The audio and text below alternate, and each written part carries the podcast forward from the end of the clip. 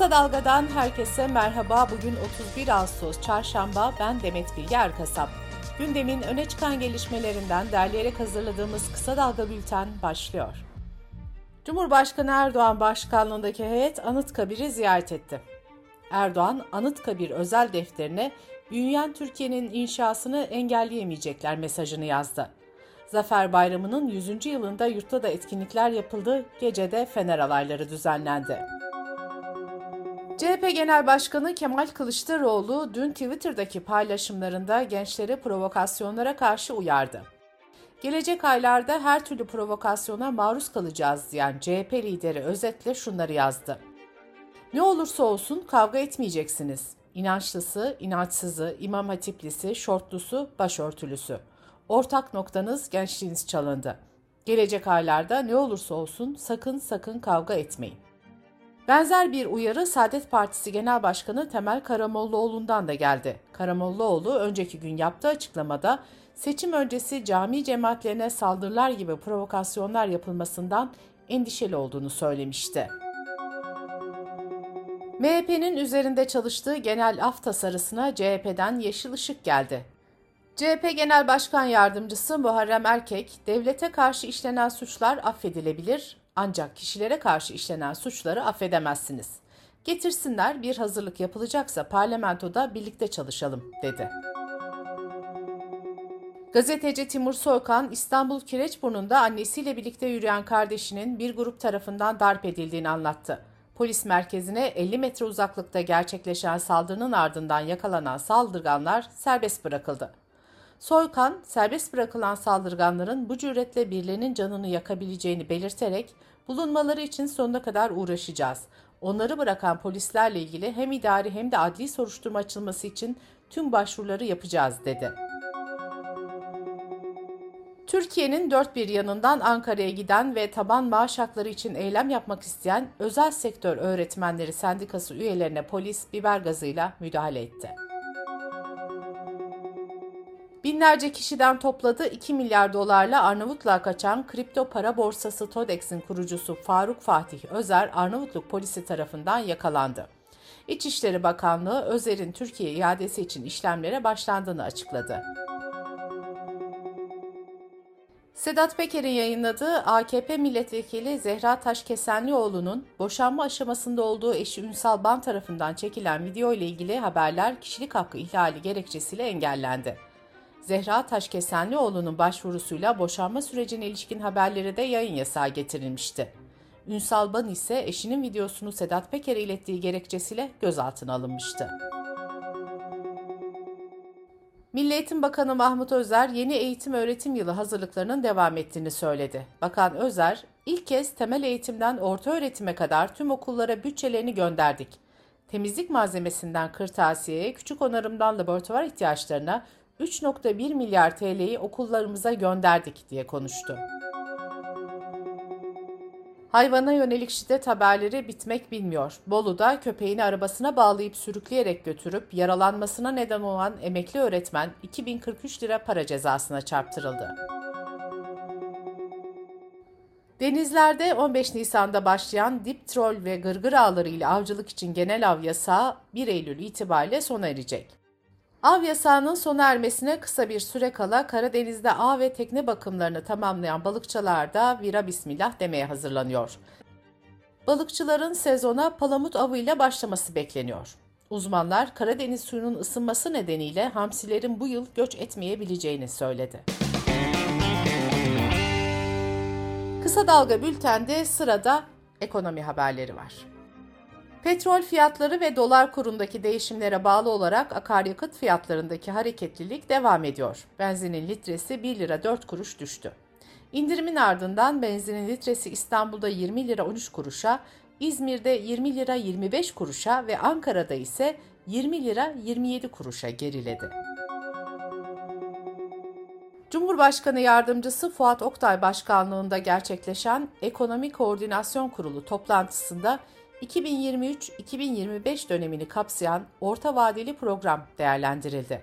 Toplantının ardından yapılan açıklamada orta vadeli programın kanunda öngörülen takvime uygun şekilde tamamlanarak uygulamaya alınmasına yönelik planlama yapıldığı belirtildi.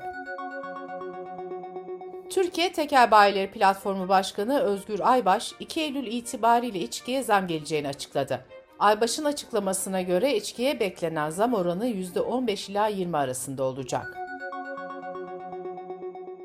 Demirören Medya, Hürriyet Gazeteciliğin İstanbul'daki matbaasını Ekim ayında kapatacağını duyurdu. Matbaanın kapatılmasıyla birlikte 105 çalışan da işsiz kalacak. Belçika'da enflasyon Ağustos ayında %9.94 ile 1976 yılından beri ölçülen en yüksek seviyeye ulaştı. Enflasyondaki yükselişin ana nedeni ise enerji oldu. Enerjideki fiyat artışı %49.81'i buldu. Dış politika ve dünyadan gelişmelerle kısa dalga bültene devam ediyoruz. Irak'ta 2021 yılında yapılan genel seçimlerin galibi Mukteda Es-Sadr'ın siyasetten çekildiğini duyurmasının ardından başlayan gerilim büyüyor. Bağdat'ta yeşil bölge olarak bilinen yüksek güvenlikli bölgedeki hükümet sarayını basan Sadr yanlılarıyla güvenlik güçleri ve İran destekli milisler arasındaki yoğun çatışmalar ikinci gününde de devam etti. 20'den fazla kişinin öldüğü çatışmalarda ağır silahlar da kullanıldı. İran çatışmalar nedeniyle Irak'ta sınırlarını kapattı. Türkiye Dışişleri Bakanlığı da Türk vatandaşlarına zorunlu haller dışında Bağdat'a seyahat etmekten kaçınmaları tavsiyesinde bulundu. Salt hareketi geçen yılki seçimde mecliste en fazla sandalyeyi elde eden grup olmasına rağmen hükümeti kuracak çoğunluğu sağlayamamıştı.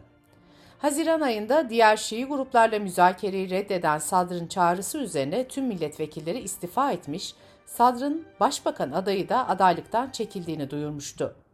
Irak siyasetinde ABD ve İran etkisine karşı çıkarak ülkede büyük destek toplayan Sad, erken seçime gidilmesini ve meclisin lağvedilmesini talep ediyordu. Ukrayna Devlet Başkanı Zelenski, ülkesindeki savaşın sorumlusunun yalnızca Rusya Devlet Başkanı Putin olmadığını, bütün Rusya'nın bu savaştan sorumlu olduğunu savundu. Rusya'nın iddia ettiği kadar güçlü olmadığını belirten Zelenski, biz henüz savaşa başlamadık. Kendi toprağımızı koruyoruz. Toprak bütünlüğümüzü sağlamaya çalışıyoruz ve bunu da başaracağız dedi. Ukrayna'da Zelenski'nin partisinde milletvekili olarak görev yaptıktan sonra savaş sırasında taraf değiştirip Moskova saflarına geçen Alexey Kovalev öldürüldü. Kovalev, Moskova tarafından Rus işgali altındaki Herson'a sivil ve askeri yönetimin yardımcı lideri olarak atanmıştı.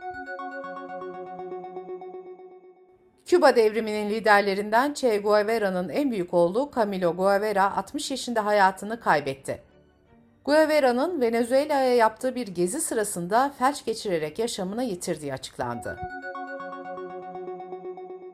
Beyaz Saray sözcüsü Başkan Joe Biden'ın eski başkan Donald Trump'ın evinden çıkarılan gizli belgeler hakkında bilgilendirilmediğini açıkladı. Federal savcılar da Trump'ın evinde yapılan aramada avukat müvekkil gizliliğine tabi olan sınırlı sayıda belge ortaya çıktığını belirtti. Milyonlarca kişinin katıldığı Londra'nın ünlü Notting Hill karnavalında bıçaklanan 21 yaşındaki genç yaşamını yitirdi. Emniyet müdürü olay sırasında etrafta yüzlerce karnaval katılımcısının olduğunu belirterek olaya tanıklık eden, video görüntüsü çeken ya da bilgi sahibi olan herkesin yetkililere ulaşmasını istedi. ABD'nin Ulusal Sağlık Enstitülerinden bilim insanları 2006-2010 tarihleri arasında İngiltere'deki veri bankasını kullanarak 40 ila 69 yaş arasındaki yaklaşık 500 bin kişiye anket yoluyla çay içme alışkanlıklarını sordu. Ankete cevap verenler 2022 yılına kadar takip edildi. Bilim insanları elde ettikleri sonuçları açıkladı. Buna göre her gün en az iki defa çay içen kişilerin ölüm riskinin %9 ila %13 oranında düşük olduğu belirtildi. Bültenimizi kısa dalgadan bir öneriyle bitiriyoruz. Ekonomik kriz bu durumdayken halkın büyük bir kısmı için araba almak artık bir hayal. Otomotiv sektöründe neler oluyor? ÖTV indirimi gelecek mi? Otomobile yatırım yapmak doğru mu? Mühtan Sağlam, otomotivdeki durumu sektörü yakından takip eden gazeteci Emre Özpeynirci ile konuştu. Mühtan Sağlam'ın söyleşisini kısa dalga.net adresimizden ve podcast platformlarından dinleyebilirsiniz. Gözünüz kulağınız bizde olsun. Kısa Dalga Medya.